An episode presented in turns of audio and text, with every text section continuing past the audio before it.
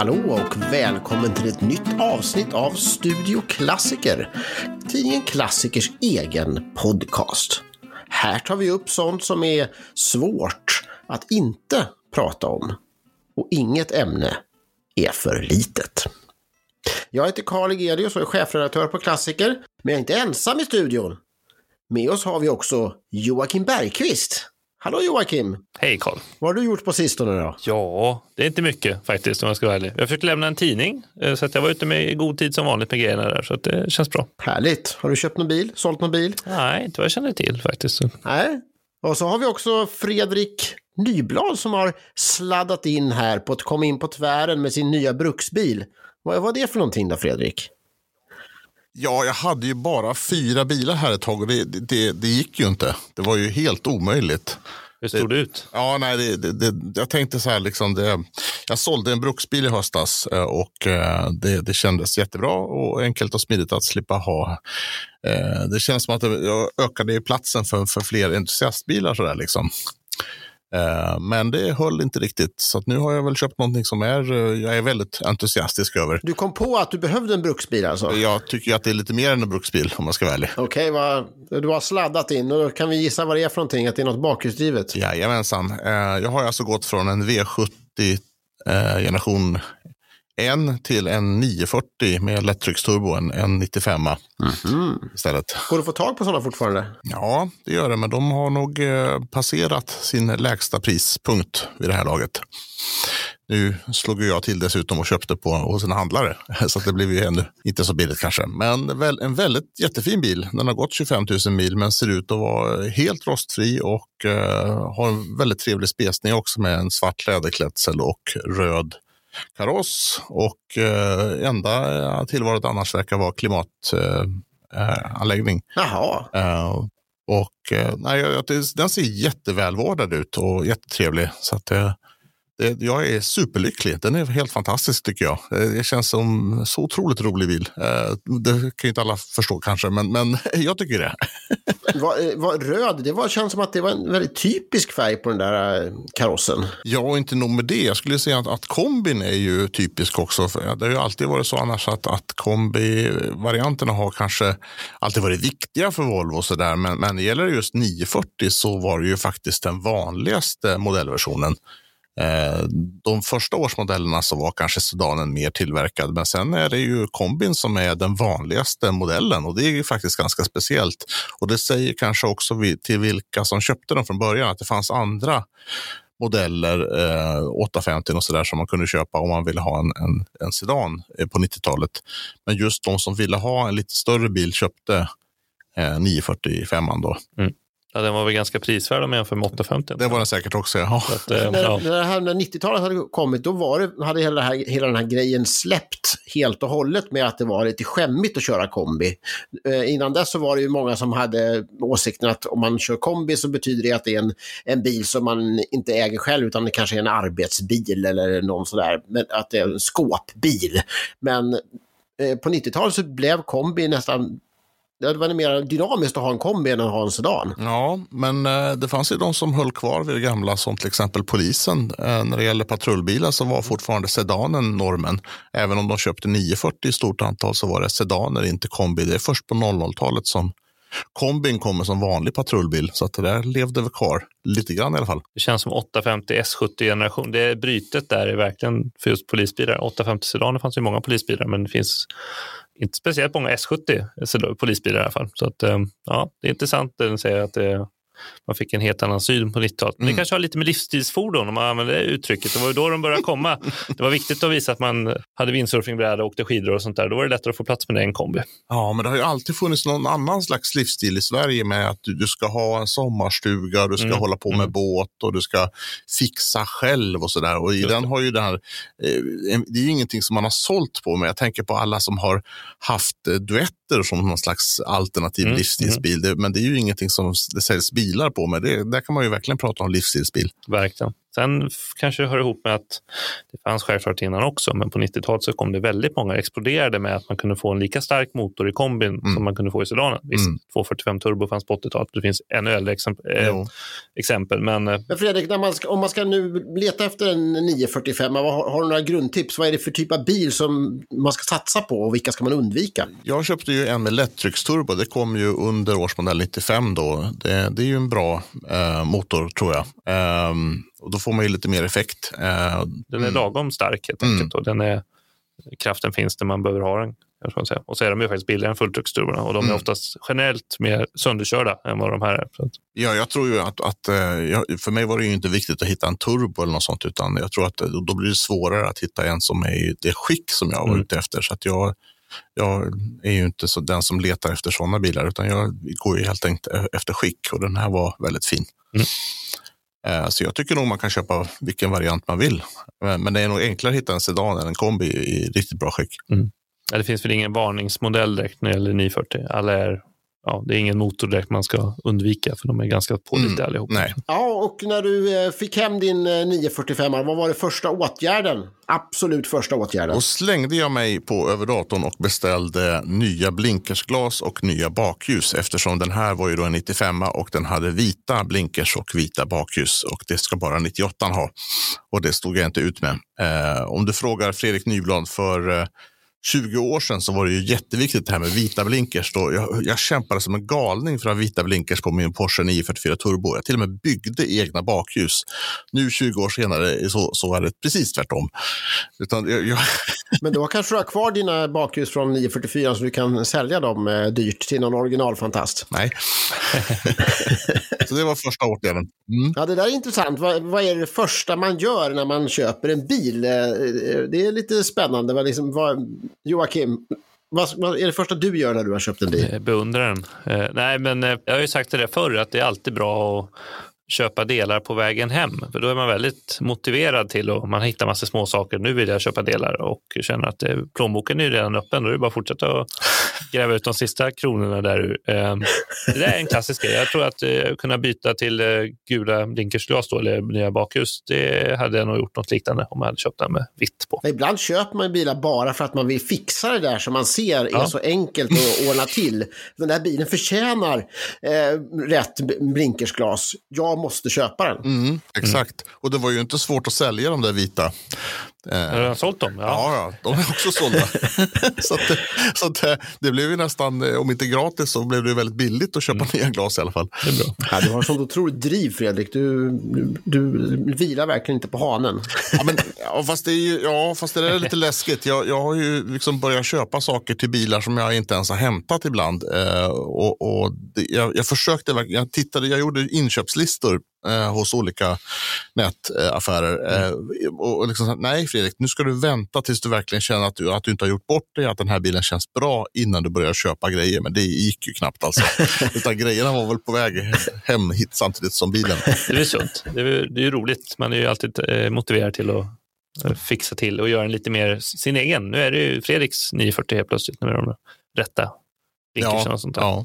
ja. för, nu, för nu var det ju så här att jag var ju så knasig så att jag köpte ju den här bilen osedd. Den fanns ju hos en handlare 60 mil söderut. Eh, men nu läste jag här på förmiddagen att eh, enligt en undersökning så kan en av sex tänka sig att köpa en bil osedd. Och jag är tydligen den här en av sex. Det är bra. ja, det handlar om de som beställer bilar nya. Jaha, ja okej. Okay. Den lilla skillnaden. Du tänker så ja. ja nej, det är ju lite vansinnigt det här egentligen. Men, men eh, jag fick ju lite bilder på det som var dåligt och sådär. Och, och, och, och det, det det, det, handlaren sa att jag, jag vågar sälja dig den här osedd och det var alldeles rimligt det han sa. Han hade alldeles rätt. Den, den var jättefin. Den känns ärlig. Han var, han, den var till och med finare på en del punkter. För jag, när jag började ställa på och fråga om så här, hur är det med vindrutan, så här, ja, ja det, det, är ju en normal vindruta. Så där, fan, då, nu i efterhand inser jag att han, han kommer nog inte ihåg det, men den är jättefin. Men att det, eftersom han inte minns så, så försökte han säga något allmänt sådär bara. Mm. Precis ska jag säga. ja. Så Det- att, eh, jag är gla- glatt överraskad. Men läderklädsel är inte så vanligt. Nej, en 940 faktiskt. Det är väldigt speciellt eh, just att, att vara så... Jag, har ju, jag får ju veva på rutorna men sitter Mm. på läder. Det, det. Det är lite udda. Ja. Valde till någonting i alla fall. Ja. Men Karl, du har väl inte köpt någonting? Du har väl sålt allting? I alla fall om jag uh, tyder din ledare i klassiker nummer två rätt. Att det, det är ju bäst att inte hålla på och köpa saker. Nej, jag gjorde ju ett litet räkneexempel där i, eh, på hur eh, om man räkna, ska räkna på klassiker som investering. Jag var lite, lite sporrad av din artikel om den här sportbilsfonden eh, som var i samma nummer. Och man börjar, eh, och det, just det här med att man ska tänka på en, en klassisk bil som en investering. Eh, det är ju egentligen eh, ganska svårt att räkna hem. Det är ju det man ser på den här sportbilsfonden, att de har visserligen fått in en massa pengar som de har köpt bilar för som kanske kommer att stiga i värde, men de har ju löpande kostnader eh, som inte sover. Som eh, förvaring och försäkringar och, och kanske då någon ersättning till de som håller på med de här bilarna och så här. Så det blir ju, och, och det, att, att få de löpande kostnaderna att eh, uppvägas av en, av en värdeökning. Eh, det är ju alltid lite svårt. Så jag, jag började räkna på min första bil. Eh, min eh, Hunkoi pickup som jag sålde för eh, 32 år sedan. För eh, 10 000 spänn. Och så började jag räkna på hur mycket jag eh, hade sparat på att inte behålla den. Eh, och till att börja med så var det så här 10 000 kronor som jag sålde den för eh, 1988, det är ungefär dubbelt så mycket pengar idag. Eh, bara där så har man då eh, tänkt att det finns en, en automatisk så att säga värdeökning. och sen så har man då eh, sparat på att inte behöva ha bilen försäkrad varje år. Det är, men om man räknar i dagens penning så är det ju tusen spänn om året ungefär i entusiastförsäkring. 32 000 spänn. Och sen så eh, började jag räkna på andra saker med som förvaring och, och sådär. Och då kom jag Plötsligt hade, kom jag fram till att jag hade sparat 384 000 kronor på att inte behålla min eh, Hunkoi pickup.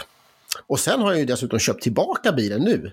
Och jag har ju betalt lite mer än vad jag sålde den för, men samtidigt så, så var den ju faktiskt renoverad när jag köpte tillbaka den och den hade då, eh, och jag betalade inte 384 000 för. Men att ha, att ha en entusiastbil, det hörs ju på ordet. Det ska ju vara någonting som man tycker är roligt, som man får glädje av. Och de flesta har väl förhoppningsvis att man, man lever så att man, man kan ha ett nöjeskonto för någonting. Som man, som man, det är det som man kanske lever för.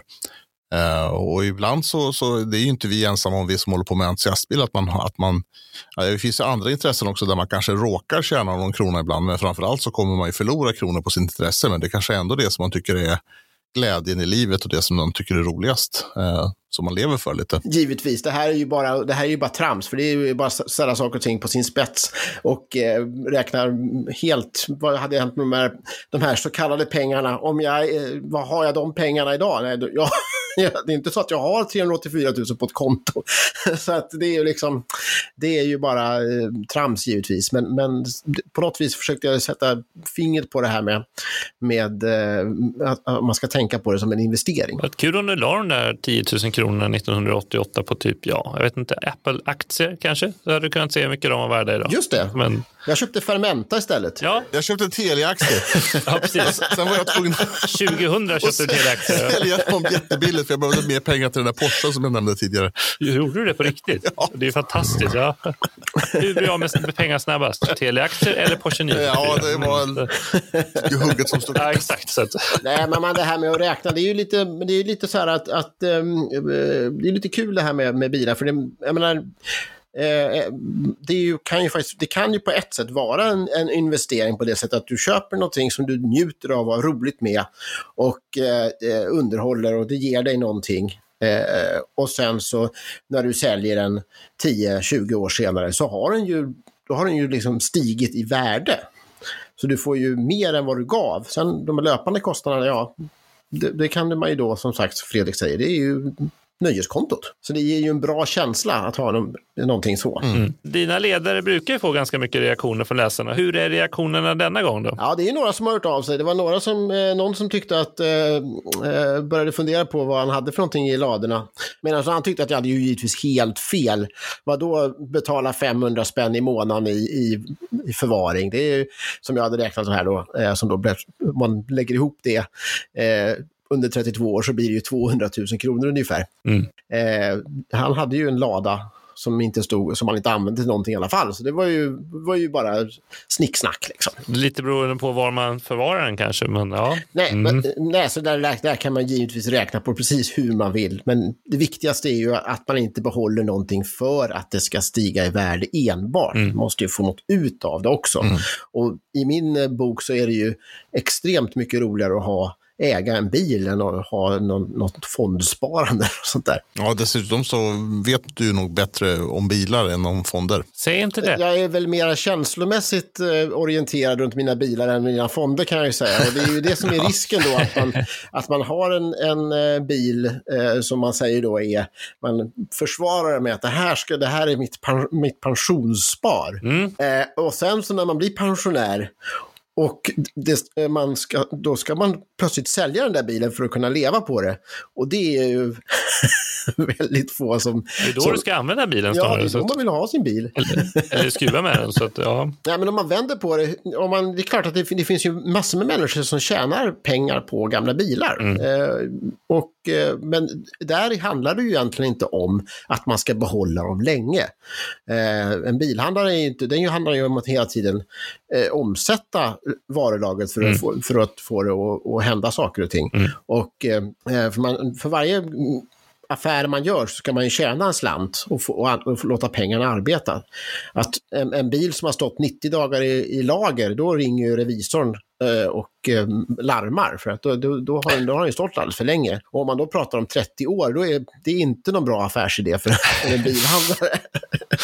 Även om den har, monument, eh, har, har stigit i värde eh, nominellt under den här tiden. Mm. Jag kommer ihåg en, eh, kanske jag pratat om förut, jag vet inte, men det var så här som satte sig. Det var en bilhandlare i Dalarna som hade en Alfa Romeo Giulietta, mm. en sån här 84, sista näst sista årsmodellen kanske, mm. av Julietta, eh, som stod utanför den här bilhandlaren och när han bytte in den så då var den bara 3-4 år gammal. Och, eh, men han, han begärde ungefär 20 000 kronor för mycket för den.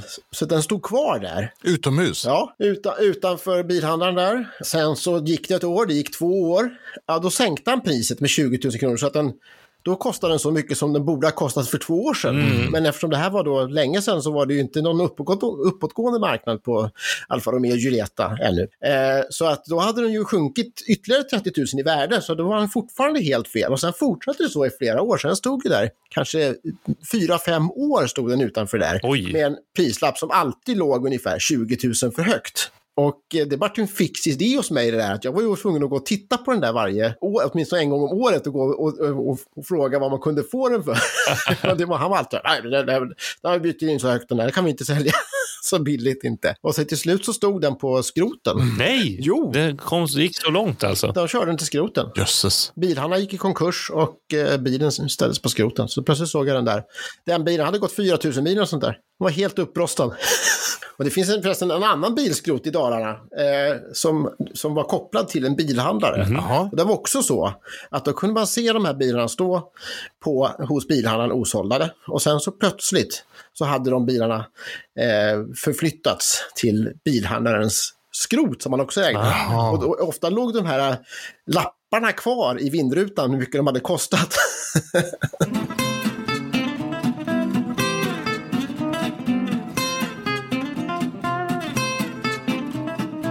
Ja, om vi eh, kan bläddra vidare i tidningen så blir det ju bara bättre och bättre. Eh, Fredrik, du red ju ut historien runt kanske en av Volvos största missar på 70-talet. Mm, en bil som jag tror hade fått ett väldigt högt samlarvärde hos entusiaster om den hade funnits tillverkad. Eh, det den har ju ingen riktig modellbeteckning eftersom det aldrig blivit en produktionsbil, men projektet hette då 172 och skulle ha blivit en, en eh, sportkupé i första hand med eh, motorn från eh, samma motor som i 164, alltså B30-motorn. Eh, det spekulerades först i att den skulle ha en eh, spesning med eh, tredubbla förgasare, men sen kom ju den här elektroniska insprutningen istället, så att den idén släpptes. det var tänkt att den skulle ha insprutningsmotor. Då. Och det här var i, i skiftet mellan 60 och 70-tal? Ja, det, projektet påbörjades ju då i mitten på 60-talet och eh, det är en väldigt vacker, slank eh, kupékaross som Jan Vilsgård formgav Eh, väldigt elegant. En del säger att den eh, har lånat drag av Fasel Vega 2 och tanken var väl också att man skulle kunna göra en cabriolet av denna bil. Men eh, det blev bara en eh, lermodell och eh, ett par inredningsmockuper av detta. Men eh, eh jag har fått höra eh, av eh, Håkan Malmgren som också jobbade tillsammans med Jan Vilsgård att det här satte nog en tagg i hjärtat på Jan Vilsgård att det här var ett drömprojekt för honom. Att, att eh, det var ingen som fick förstöra den här lermodellen utan den hängde kvar. Trots att eh, det här projektet lades ner i slutet på 60-talet så, um, så fick ingen förstöra den här utan den flyttades runt när, när designavdelningen flyttade och där och först någon gång i mitten på 80-talet så mm. högst den upp. Uh, och när man tittar på, på prototyper så kan man ju ibland tycka att vilken himla tur att det här inte blev av. Det här hade ju varit hemskt. Men när man ser de här bilderna på den här, då, då eh, får man ju precis den där hugget i hjärtat, precis som Vilsgård fick. Mm. Att det här var ju en missad chans. Det, det var ju en, en bil som jag tror skulle kunna konkurrera med, med eh, Mercedes R107 till exempel. Mm, verkligen. När man tittar på den så den, den, har ju, den är ju eh, bredare och slankare än någon samtida Volvo-modell som kom ut på den här tiden. Men man ser ju ändå släktskapet med 140-serien eh, på i, i grundlinjerna och så här, tycker jag. Ja, och, och, precis som i 140-serien så, så hade den ju en, en, ett eh, nästan oskrivet blad i fronten. Det gick ju att lyfta ut eh, grill och strålkastare och, och, slänga in något annat eh, som man ville, eh, årsmodellsuppdateringar och sånt. Mm. Och du har spekulerat i vad den här bilen skulle kunna hetat om den hade ingått i Volvos modellprogram. Ja, om man tänker sig då att 1966 så inför ju Volvo ett logiskt modellnamnspolitik eh, där man har då en modellserie, man har antal cylindrar på motorn och antal dörrar. Så att det är ju inte helt orimligt att tänka sig att den här skulle hetat 162C eller något sånt. Men det är ju bara min gissning, det är inget insidertips eller något sånt, utan det är bara jag som har suttit och gissat utifrån den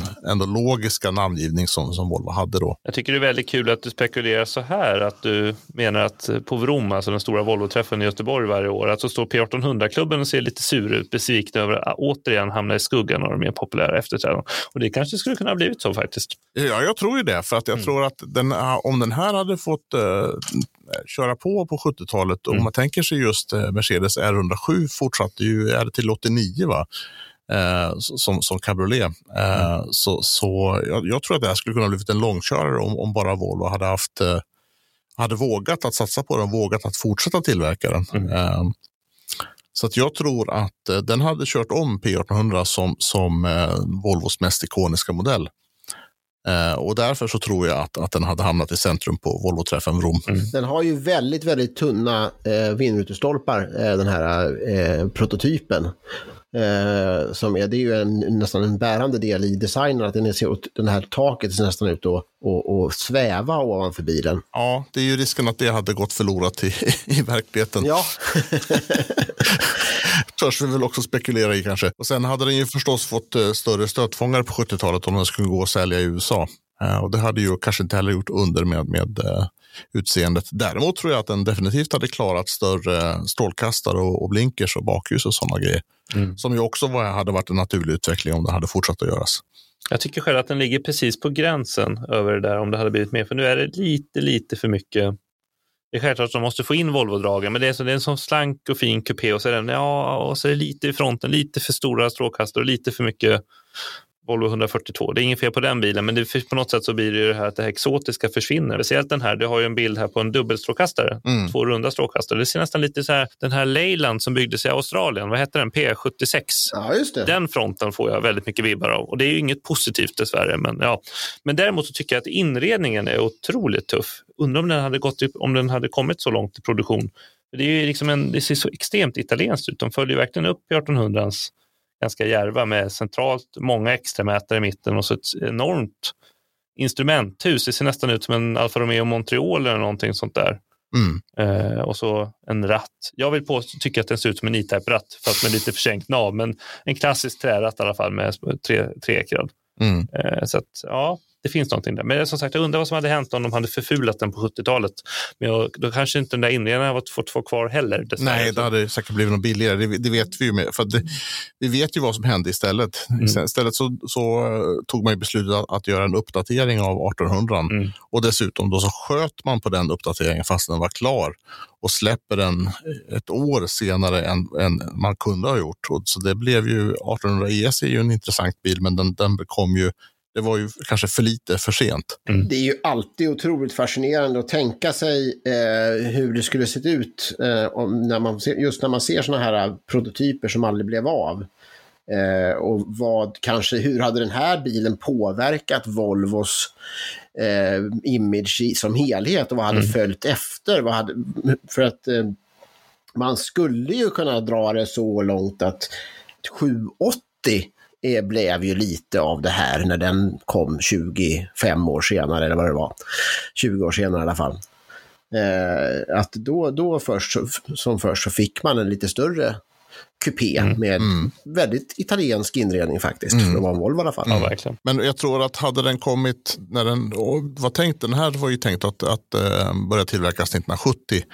Eh, hade den kommit då så hade man haft ett större momentum. Det hade varit en naturlig uppföljare till 1800 som hade gjort att, att då hade, för 780 kanske var, blev kanske lite av en parentes. Den blev inte tillverkad i så många exemplar. Och det, men hade den här kommit så hade boll, eh, snöbollen kunnat bli större tror jag. Mm. Att eh, effekten på, på Volvos image hade kunnat bli större. Verkligen. Kanske ändrat Volvos image helt. För men den var ju fortfarande lite odefinierad på slutet på 60-talet. Det var ju fortfarande kanske lite mer robust, nästan lite sportig europeisk bil, i alla fall mm. ute i USA. Absolut, framförallt i USA, precis. Den här helylle-dialet, det kanske hade varit lite annorlunda om den här hade fått komma ut. Ja. Det är nästan som man vill gå in och fejka ihop en bild hur den hade sett ut om den skulle ha byggts vidare på 70-talet. Med sina... Jag trodde du skulle säga att vi skulle åka en DeLorean och försöka påverka beslutsfattandet ja. här. Vet man exakt varför den stoppades, eller? Alltså, Volvo var ju i princip en enbilstillverkare, även om man hade 1800 och, och eh, 140-serien och Amazonen, får det, får man, det får man räkna som att man sålde en gammal modell. Så man hade liksom inte riktigt resurserna att man hade inte råd att, att ta fram verktyg och man tyckte att det, det, var för osäkert att satsa på en sån här nischprodukt. Så man, man, man trodde att, att i, i, i framtiden så, så det, det, här skulle vara för en dyr bil. Man skulle inte kunna konkurrera med Ford Mustang, ett exempel som har tagits fram. Och jag förstår inte varför man just nämnde den bilen, för den, jag tror att det inte var Ford Mustang man skulle konkurrera med. Men det är ändå intressant. Tänk om 1560, den här V8 lyxbilen, och den här hade kommit ut. Vilken helt annan bild man hade ja. haft av Volvo då. Ja. Faktiskt. Sen kanske de inte hade överlevt å andra sidan om de inte hade byggt de här bilarna som var lite mer lite bredare på det sättet. Men, ja. Det är lite spännande också att det här var ju alltså inte eh, någon rullande prototyp utan det var ju bara en, en lermodell i fullskala och ändå så behöll man den så länge som du berättade, till, till 80-talet. Mm. Eh, det måste ha varit otroligt otympligt att flytta runt den här klumpen. Absolut, men det var ju just, det säger någonting om projektet också. Det, det var ju inte normalt att göra så, men eftersom som den, den skapade känslor hos sin pappa så, så uh, blev den kvar. Vet man vad som, var den, hur den förvarades eller var det, stod, var det någonsin utställd på något museum eller så här under tiden eller innan den? Så vitt jag vet har aldrig ställts ut på något museum eller sånt och det fanns ju inget Volvo-museum på den tiden heller. Utan den förvarades ju hos designavdelningen. Och man kunde också använda den om man skulle prata om olika saker så kunde ju John Wilscott ta fram den för att använda den uh, i olika sammanhang för att prata med, med sin personal och så. Mm. Eh, men, men jag tror förklaringen är nog mest känslomässig, att han ville ha den kvar om jag förstått det rätt. Ja, men det är också just det här beslutet att, att hugga upp den så pass mycket senare. För då var det väl så att då den här P172, det var väl någonting som, som var lite, det hade kommit utanför Volvos väggar att den hade funnits och att den eh, var, var någonting som, den var väl med i den här eh, Björn-Erik Lind-boken och sådär. Ja, och att, att den fortfarande existerade då och att man ändå då högg upp den istället för att bevara den åt eftervärlden. Mm. Det är också lite intressant tycker jag.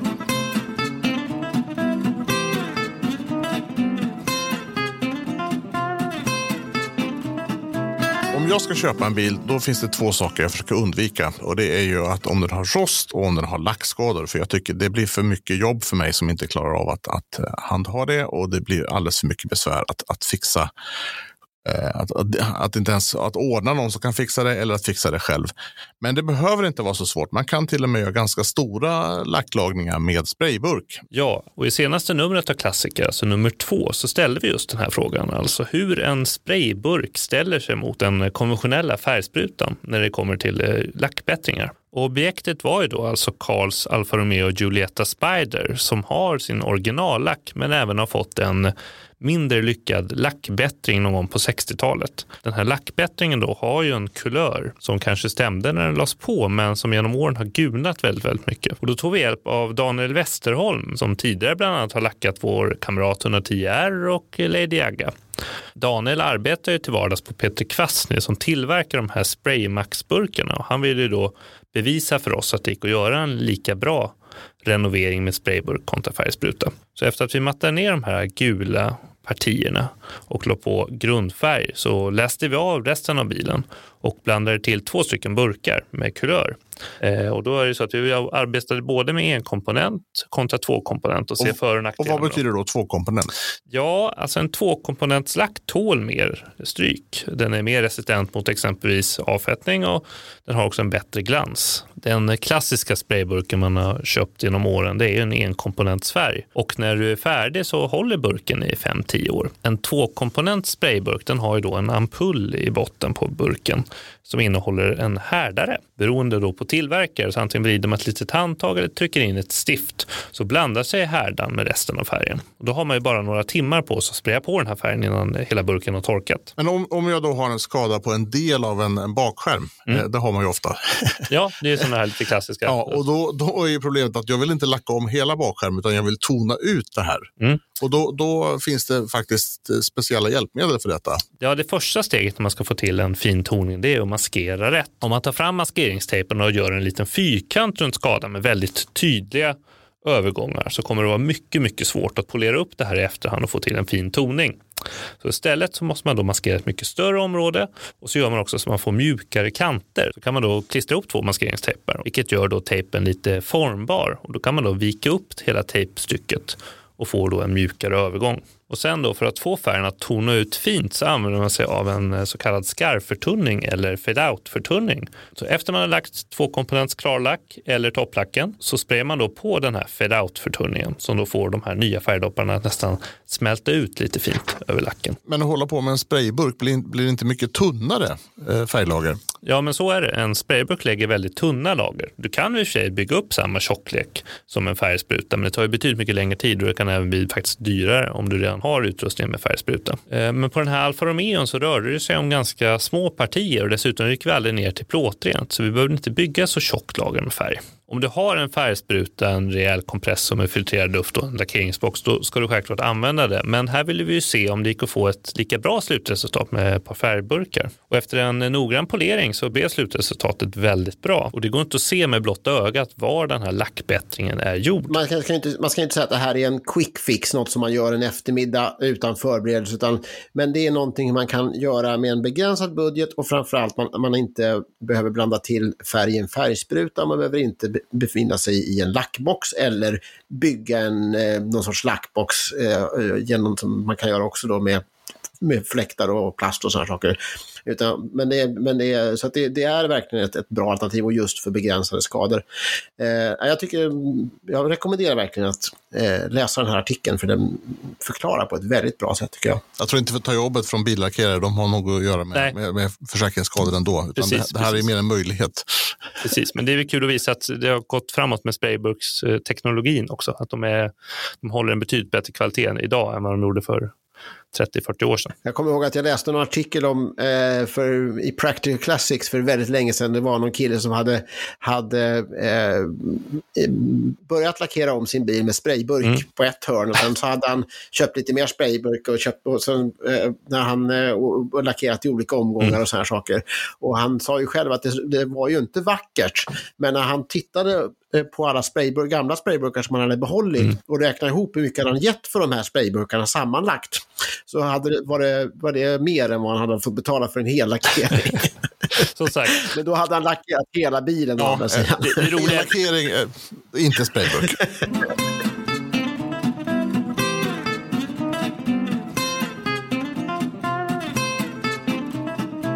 Fredrik, i samma tidning här om vi bläddrar vidare så då tycker ju du att vi ska köpa en, eh, en Volkswagen Golf 2, är ditt tips. Ja, vad konstigt va? Den är väl nästan ny? Ja. Nej, den är nästan 40 år. Det var 1983 den presenterades. Det är nästan svårt att tänka sig faktiskt. Ja, mm. Golfettan är ju en, den har ju varit en, en eh, klassiker länge, men den här Golf 2 har verkligen suttit hårt in mm. i tuben. Jag tror att det är, nu är det hög tid och det, det är häftigt. Vi har ju ett en fantastiskt exemplar i vår köpguide. Eh, den har ju gått 2200 mil och eh, har ju, lämn, eh, har ju egentligen bytt ägare nu i fjol från sin första ägare eh, som behöll den tills hon gick vidare. och, och den, hon har ju inte använt den de sista 20 åren knappt. Eh, och den var ju i helt otroligt skick. Eh, hon har knappt och, använt den de första 20 åren heller. Nej, det måste man säga. Och nej, jag, jag tycker den är jättehäftig och jag, jag går igång på den här sneak-modellen. Jag satt och tittade på bilderna här nu och, och, och bara titta på stålfälgarna på den här bilen. Det är ju en helt fantastisk eh, uppfinning, de här kapslarna. Liksom. Det är, vilken industridesign. Mm. Och, och, det här var ju ett jätteprojekt. Man satsade den här gången då på att man skulle använda mer industrirobotar. Vi vet ju att en golfetta kan ju rosta eh, ganska eh, ordentligt och, och, genom att man använde industrirobotar skulle man göra en, en bättre produkt och det, det gjorde man ju också. Men också det här fantastiska med vad, vad var en golf varför, har, varför vi kanske då tyckt att vi har översett med den. Det är ju för att, att den är så lik ettan. Eh, men hela själva idén med att göra en bil, en helt ny bil som ser ut som den gamla. Den, den är ju helt bisarr, mm. eller var helt bisarr och konstig då i alla fall. Eh, men idag är det vedertaget att man, att man det är mer evolution än revolution när man byter modell. Ja, fortfarande så någonstans så var det här med årsmodeller och eh, årsmodellsförändringar satt ju fortfarande kvar lite grann eh, från eh, så långt tillbaka som från 50-talet när det skulle bytas design varje år. Eh, mm. men, eh, Kanske inte på Volkswagen Nej, då, inte Volkswagen, de har verkligen emot det. Men, men ehm, eh, vi som var med, vi såg ju verkligen att det var en ny bil, men att den kopplades ju väldigt tydligt till den gamla produkten men vi såg ju att det var en ny Golf. Eh, men hur är det idag då, tror du Fredrik? Är de som ser en Golf 2 eh, är det, så, är det så stor skillnad för den som tittar på en 40 år gammal Golf om det är en etta eller tvåa? Eh, med risk att jag sticker ut hakan här, men den stora skillnaden om man gillar Volkswagen är väl om man gillar luftkylt eller vattenkylt. Så att, mm. eh, men min teori eh, är ju någonstans att jag tror att med åren så kommer den här viktiga eh, generationsskillnaden mellan golfgenerationerna att suddas ut. Att det, att det är en Golf kommer vara en Golf eh, och sen att det är en, klassisk modell. Att man då hittar någon häftig variant eh, och sen om det är en tvåa eller trea eller sånt där. Det, det kanske kommer bli mindre intressant ju, ju mer åren går, tror jag. Jag hoppas det i alla fall, för det finns det är många roliga bilar som är väl värda att ta hand om och, och, och roliga att leva med tror jag. Men det här exemplaret som vi då fick in i vår studio, eh, jag var också nere och tittade på den då när ni fotograferade den. Den var ju verkligen otroligt, eh, verkligen nyskick på den i varje detalj. Då tänkte man att en, en finare Golf än så här kan ju inte finnas kvar. Och vad hände då? Jo, då dök ju upp i grannkommunen, eh, väldigt nära den här, den här bilen hittades, Eh, så då dyker det upp en, ett, ett exemplar som har ett snarlikt öde, men som, samma, samma färg, samma årsmodell, samma eh, variant, en CL, eh, som hade gått 1600 mil, eh, som lades ut på Blocket eh, av släktingar till, till eh, damen som haft den. Eh, och den blev ju inte såld för den summan som de ville ha på Blocket. Utan de, eh, till slut så skiftade de ju då taktik och la ut den på en auktionssajt istället. Och den såldes ju nu då. Vad begärde de på Blocket då? Eh, de begärde 80 000 kronor. 80 000 för en bil som har 1600 mil, det är ju, tycker jag ändå, mm. det är inte en så jätte jättemycket ändå. Kanske var det här priset 80 000 ganska rätt då, fast i auktionsvärden. För att det, det hela slutade ju med att de fick ut 90 000 kronor på auktionen. Eh, och sen får man ju räkna av att de får betala lite för tjänsten att sälja den här på auktion. Eh, så att det blev lite summa summarum ungefär samma sak då i slutändan. Men nu, nu blev den ju verkligen såld. Ja, men det, där, det är lustigt, för det, vi hade ju något liknande eh, med eh, eh när vi, vi var de här jubileumssabarna eh, som dök upp i ett kluster också med Saab 96. Vi, vi eh, eh, uppmärksammade ju en Saab 96, eh, sista årsmodellen, jubileumsmodell, som hade gått, har jag för mig, någonstans runt 15 mil hade den bilen gått. Man stått i ett garage hos en dam som hade köpt, köpt en ny och eh, inte kört med den mer än en enda gång fram och tillbaka till jobbet. Och då tog vi in den eh, och fotograferade den i vår studio och eh, gick ner på djupet i den här bilen och visade vad nyskick verkligen betyder. Och det var inte perfekt skick, utan, men det var precis så det var när den lämnade fabriken. Och sen går det inte mer än några månader så dyker det upp en som har gått hälften så mycket, sju mil, eller ännu mindre, tre mil. Ja. Ibland, ibland så kan man ju tänka att, att det, den som sitter på den här bilen då kan tänka att men, jaha, kan man få så här mycket? Och, ja, man kanske skulle sälja den där. Att, det ändå liksom, att uppmärksamheten kring den första leder fram att det dyker upp fler. Ja, det lockar fram dem. För det är ju de där bilarna. Men anledningen till att man inte tror att de existerar är ju för att de inte aldrig är ute och kör. Eh, och eh, 98 procent av alla klassiska bilar som finns i Sverige, de ser man ju aldrig för de står ju i sina garage mesta delen av, av tiden. Mm, och mm. många står, kommer aldrig ut utan bara de står och väntar på, på bättre tider så att säga. Mm. Så egentligen har vi ju väldigt lite koll på vad som verkligen finns. Ja, så är det. Och jag tror också att, att, att bilarna dyker upp efter en viss tid eh, när de börjar bli intressanta. Jag startade en grupp för Volvo 740 och, och 900 eh, för ett år sedan och eh, där, där var det just ett inlägg med en herre som hade eh, en 740 GLT 16 Uh, och då skrev han, och han skrev nu ungefär, den här har jag sparat på och att nu är det dags att ta ut den. Mm. Så, att, så att liksom, det finns liksom de här bilarna som, som har sparats på. Det var ju en sån modellvariant som är lite kul, som det är roligt att, att den då, mm. nu när den, när den kanske börjar bli de mer erkänd som klassiker så, så då dyker de här bilarna upp som har mm. gömts undan. Det är helt fantastiskt. Ja, och det är också väldigt spännande att tänka på vilka bilar ska man rulla in i garaget nu och ta fram om 10 år eller 15 år. Mm, men det, det, där har jag insett att jag fyller ju då 50 år nästa år och det är kört för mig. Det är ju ingen idé att jag köper en bil nu och, och ska vänta. Det, det blir, ska jag njuta av den jag är 80 någonting, jag tror att det, det är ingen idé. Nej, men du behöver inte köpa en bil som är, som är ny nu. Ah, okej, okay. halvgammal då? Du kan köpa en sån här bil som är totalt ointressant nu, som är 15 år gammal men som av någon anledning har blivit stående trots allt inte gått så mycket. Som ändå är, mm. och, sen, och sen så inte köra med, inte berätta för någon av oss att du har köpt den ens. Helt och hållet bara ställa undan den och sen ta fram och, och börja jollra om den om 10-15 år. Du vill inte köpa en Audi TT? jag skulle köpa en, en väldigt oanvänd bil kanske. Ett fint exemplar. Ja, det tänkte så. Ja, ja. det tar vi bort. ja, men Golf, eh, det här var ju alltså absoluta eh, grundmodellen. Det var verkligen Golf-Golfen det här som vi tog in i studion. Men det finns ju så mycket mer. Ja, det finns otroliga mängder av just Golf 2. Jag som är en sån spesnörd, eller vad man kan säga, tycker att det var egentligen här som verkligen Volkswagen blommade ut. För innan hade de ju oftast kört på en modell, för det var billigt och enkelt att sälja och det fanns. Självklart var det inte riktigt så, men det var ganska begränsat modellutbud. Men på den här tiden det kom ju fantastiskt många motorer och specialvarianter. Ja, om vi ska prata sport först då.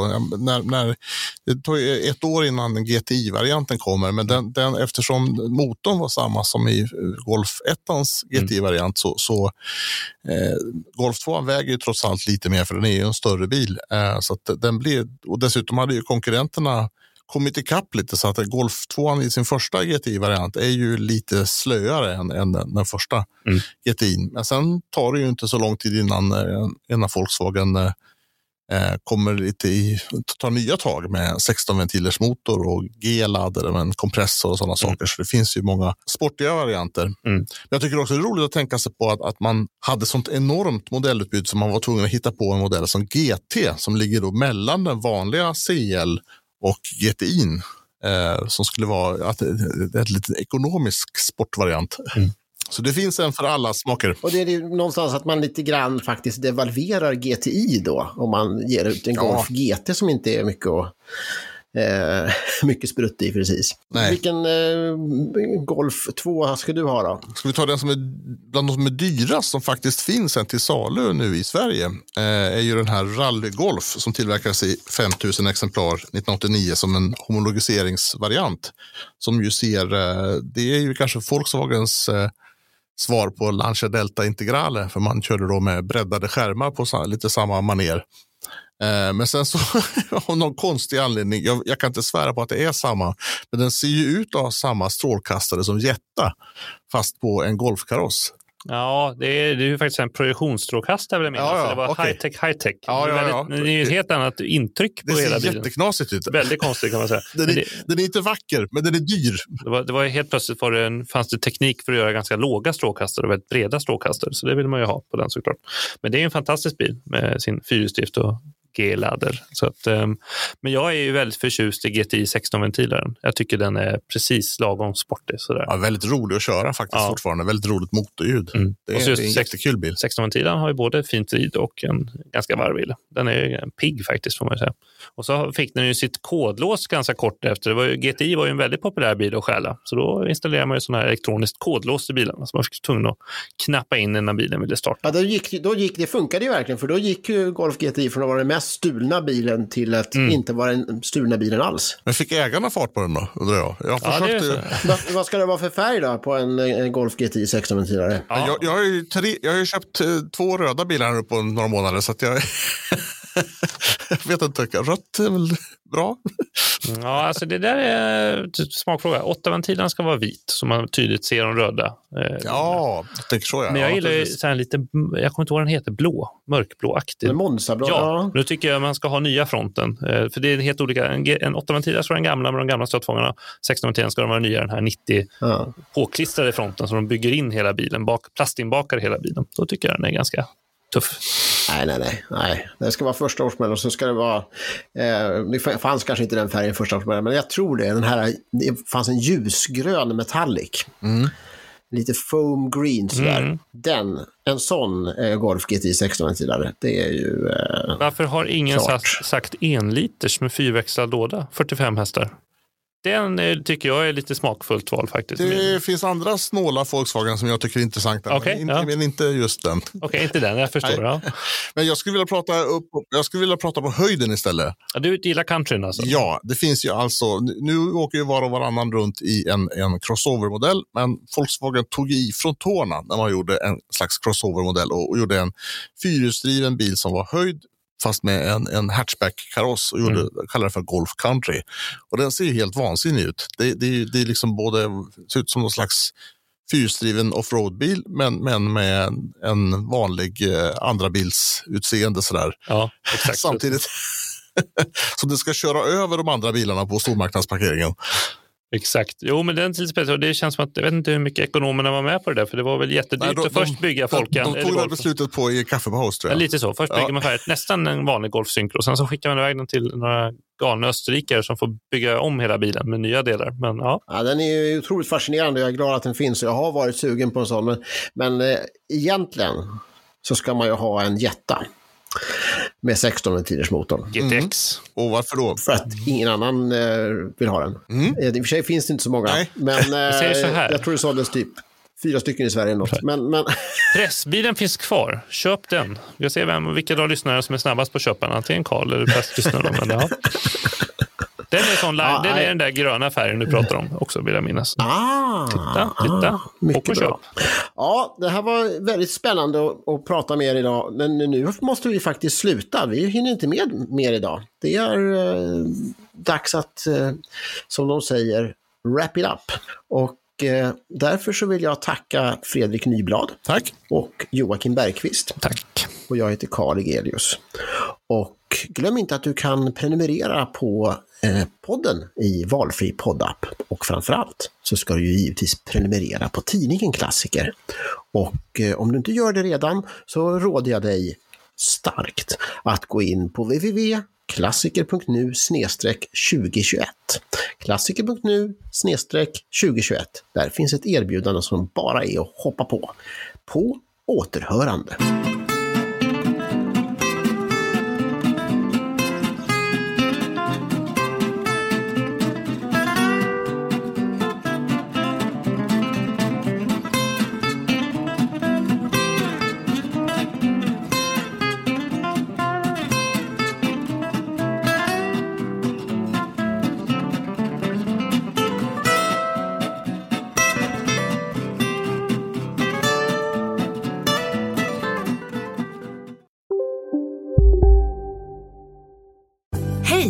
Synoptik här. Visste du att solens UV-strålar kan vara skadliga och åldra dina ögon i förtid? Kom in till oss så hjälper vi dig att hitta rätt solglasögon som skyddar dina ögon. Välkommen till Synoptik. Du, åker på ekonomin. Har han träffat någon? Han ser så happy ut. Var det onsdag? Det är nog Ikea. Har du dejtat någon där eller? Han säger att han bara äter. Ja, det är ju nice alltså. Missa inte att onsdagar är happy days på IKEA. Fram till 31 maj äter du som är eller blir IKEA Family-medlem alla varmrätter till halva priset. Välkommen till IKEA. Ja, Hallå? Pizzeria Grandiosa? Jag vill ha en Grandiosa capriciosa och en pepperoni. något mer? Med kaffefilter. Ja, Okej, ses samma. Grandiosa, hela Sveriges hempizza. Den med mycket på.